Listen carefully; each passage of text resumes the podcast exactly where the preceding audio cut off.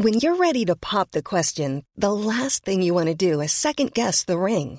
At Bluenile.com, you can design a one of a kind ring with the ease and convenience of shopping online. Choose your diamond and setting. When you find the one, you'll get it delivered right to your door. Go to Bluenile.com and use promo code LISTEN to get $50 off your purchase of $500 or more. That's code LISTEN at Bluenile.com for $50 off your purchase.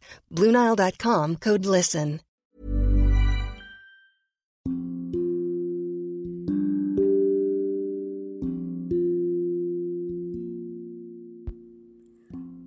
Zaman dahulu, di kota Baghdad, Arabia, ada seorang pemuda bernama Sinbad. Setiap hari, ia bekerja dengan memanggul barang-barang yang berat. Tapi upahnya hanya sedikit, sehingga hidupnya sangat miskin. Pada suatu hari, Sinbad yang kepanasan duduk di depan pintu rumah saudagar kaya. Ia sangat letih dan capek karena beban yang berat. Sambil beristirahat, ia menyanyikan lagu tentang kepahitan hidupnya. Namaku Sinbad, hidupku sangat malang. Berapapun aku bekerja dengan memanggul beban di punggung, tetaplah penderitaan yang kurasakan.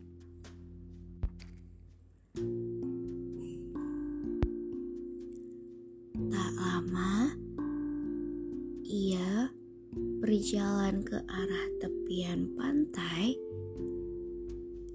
dan seseorang mengajaknya untuk menjadi bajak laut bagus. Kalau aku menjual barang-barang ini ke luar negeri, pasti akan dapat banyak uang. Tak berapa lama, mulailah ia berlayar dengan kapalnya menuju negara-negara yang tak dikenal karena para pelaut itu berada di atas laut setiap hari, mereka ingin sekali beristirahat di daratan. Pada suatu hari, seorang kelasi berteriak, "Bu, pulau, lihat, ada pulau di sana." Mereka pun bersorak kegirangan. Cepat-cepat, kapal diarahkan ke pulau itu. Begitu kapal merapat, mereka segera mempersiapkan makan siang. Mereka membakar daging dan ikan. Tiba-tiba, permukaan tanah bergoyang. Wah, ge gempa bumi. Tolong. Tiba-tiba pulau itu bergerak ke atas. Para pelaut berhamburan dan satu persatu mereka jatuh ke laut. Begitu jatuh ke laut, Sinbad melihat kembali ke arah pulau itu. Dan yang dilihatnya adalah seekor ikan paus yang amat besar. Karena ikan paus itu sudah lama sekali tak bergerak, maka punggungnya banyak ditumbuhi pohon dan rumput. persis seperti pulau. Tetapi karena panas yang disebabkan oleh api unggun di punggungnya, ia mulai bergerak liar. Wah, kapalnya ditenggelamkan ikan paus. Cepat lari! Kapal terhempas ke laut, meninggalkan Sinbad dan para pelaut berusaha menyelamatkan diri. Mereka yang jatuh ke laut dikebas oleh ikan paus sehingga tenggelam ke dalam laut. Sinbad berusaha menyelamatkan diri dengan memeluk erat-erat sebuah gentong, sehingga ia selamat terapung di permukaan laut. Begitulah ia melewatkan malam di atas laut. Ketika hari menjelang pagi, ah, itu pulau. Selamatlah aku. Terima kasih, Tuhan. Ucap Simbat berkali-kali dalam hati. Kemudian Sinbad berenang dengan penuh semangat mendekati pulau itu. Aku haus. Ah, ada pohon kelapa. Ambil buahnya dan minum airnya. Pasti segar. Kemudian ia memanjat pohon kelapa dan memetik buahnya. Ketika ia akan turun, tiba-tiba Sinbad melihat sebuah telur yang amat besar. Eh, telur apa itu? Kok besar sekali? Cepat-cepat Sinbad turun dan mendekati telur itu. Tiba-tiba,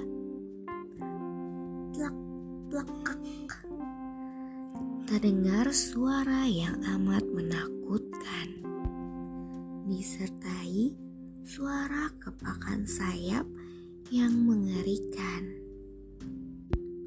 Dari langit turunlah seekor burung yang amat besar. Wah, burung naga, burung besar yang pernah ku dengar. Jadi, telur besar itu milik burung naga.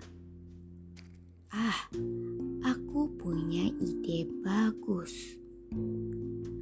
Burung naga kemudian tertidur sambil mengerami telurnya dengan penuh kasih sayang. Dengan hati-hati, Simbat menyelinap di kaki burung naga yang sedang tidur. Lalu ia melepas turban yang ada di kepalanya dan mengikat erat-erat badannya di kaki burung naga dengan turban itu. Nah, sekarang asyik. Kalau dia bangun, pasti ia membawaku ke tempat di mana manusia tinggal. Keesokan paginya, burung naga bangun. Kak, blak, blak. Burung naga terbang ke angkasa dengan mengeluarkan suara kepakan sayap yang menakutkan. Seperti yang kuharapkan. Dia mau mencari makan dan akan menerbangkanku ke pulau besar tempat manusia tinggal. Burung naga yang di kakinya tertempel Sinbad melewati pegunungan dan akhirnya tampaklah sebuah daratan. Bagus, di sini ada manusia. Akhirnya, burung naga turun ke tempat yang dalam di ujung jurang.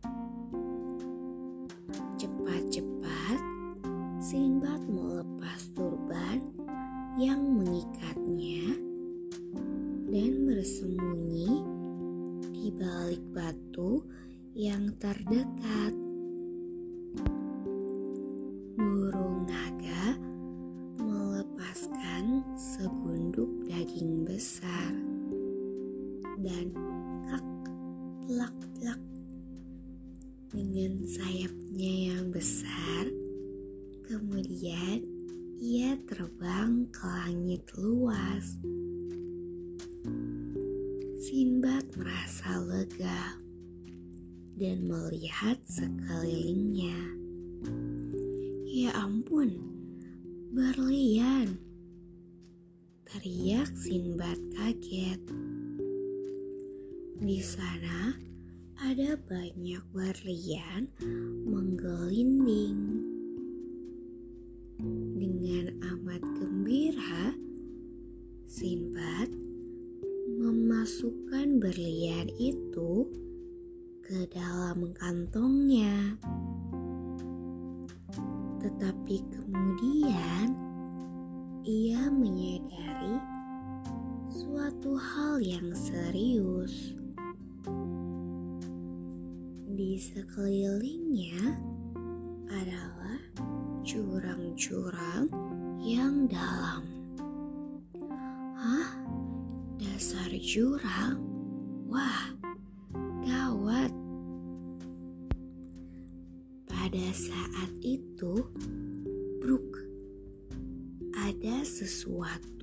jatuh. Ternyata yang jatuh di sebelahnya adalah gundukan daging yang amat besar.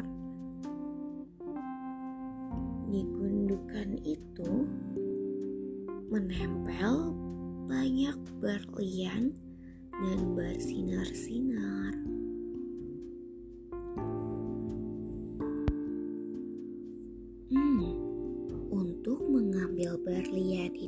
Jurang ini, ia menjatuhkan daging lalu membawanya terbang dengan berlian yang telah tertempel di daging. Ah, aku sudah pernah mendengar hal itu sebelumnya. Nah, aku punya ide yang bagus. Kemudian, Sinbad mengikat tubuhnya dengan turbannya ke gundukan daging itu. Beberapa saat kemudian, kak sambil berteriak keras-keras, burung naga turun ke dasar jurang. Tiba-tiba, Klang, klang, tut. Terdengar suara gong dan suling bergema. Burung naga jadi terkejut menjatuhkan gundukan daging dan cepat-cepat terbang tinggi. Orang-orang yang datang untuk mengambil berlian yang menempel di gundukan daging itu terkejut saat melihat Sinbad. Dan Sinbad menceritakan bagaimana ia bisa begitu.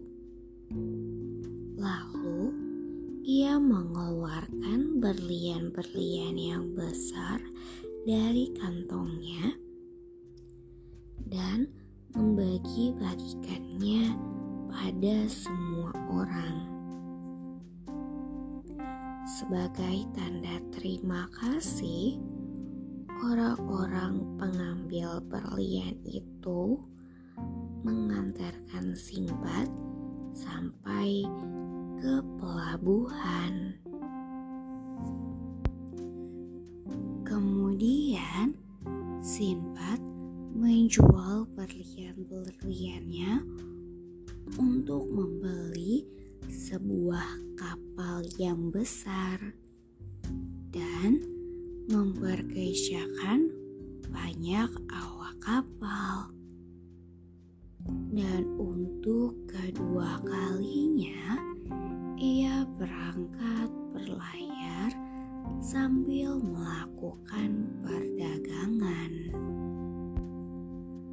Pada suatu hari, seorang awak kapal berteriak dengan suara keras, "Awas, ada kapal perompak datang!" Namun terlambat.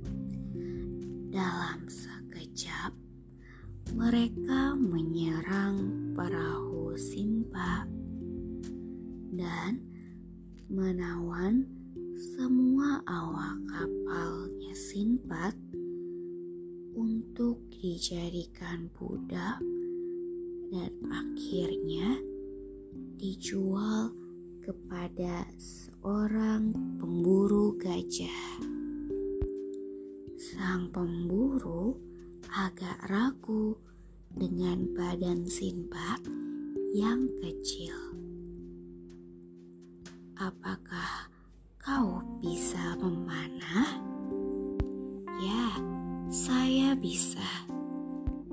Lalu pemburu itu memberi Sinbad busur dan anak panah dan diajaknya naik gajah ke padang rumput yang luas. Ini adalah jalan gajah.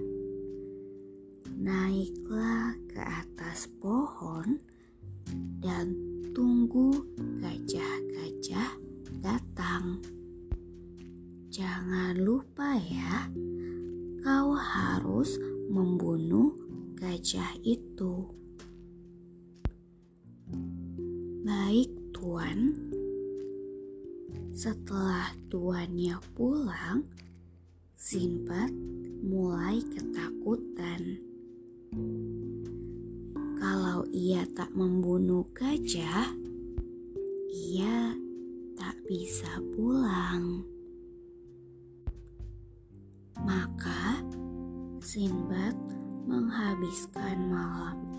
itu di atas pohon sampai hari menjelang pagi.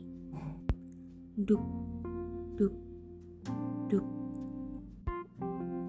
Ya ampun, kerombolan gajah. Pemimpin gajah pun berteriak, "Eik!" Lalu menyerang pohon yang dinaiki oleh Sinbad. Ia pun terjatuh dari pohon dan tepat di depan pemimpin gajah itu. Secepat kilat, pemimpin gajah menggulungnya dengan belalainya yang panjang. Sinbad sudah bersiap-siap. ia mengira pasti akan dibunuh atau dibanting ke tanah. Tapi gajah itu dengan diam mengangkat Sinbad yang telah bermaksud membunuh mereka dengan busur dan panahnya. Kemudian memimpin kelompoknya dan mereka mulai menaiki gunung batu. Akhirnya, rush,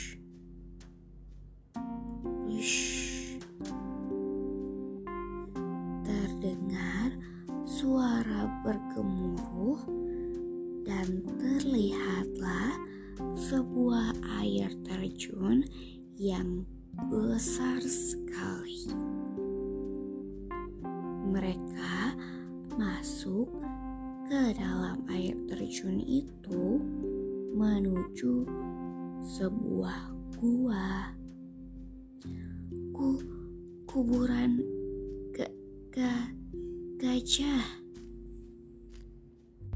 Ucap Sinbad kaget. Ternyata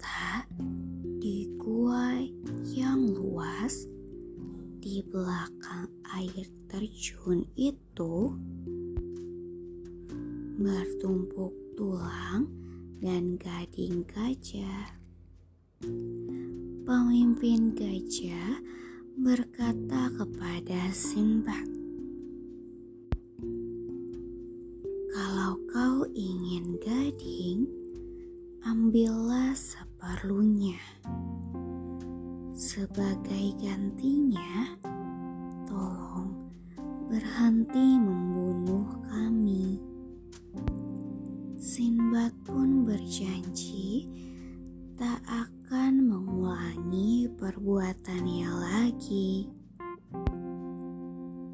Kemudian ia membawa pulang gading dengan memanggulnya dan menyerahkannya kepada tuannya. Tuannya pun berjanji tak akan membunuh gajah. Dan Sinbad diberinya uang. Sampai di sini dulu ceritaku. Aku bisa menjadi orang kaya karena bekerja keras dengan uang itu. Jangan putus asa sampai kapan pun. Kau masih muda. Teruslah berjuang. Ya, aku pun akan selalu berusaha.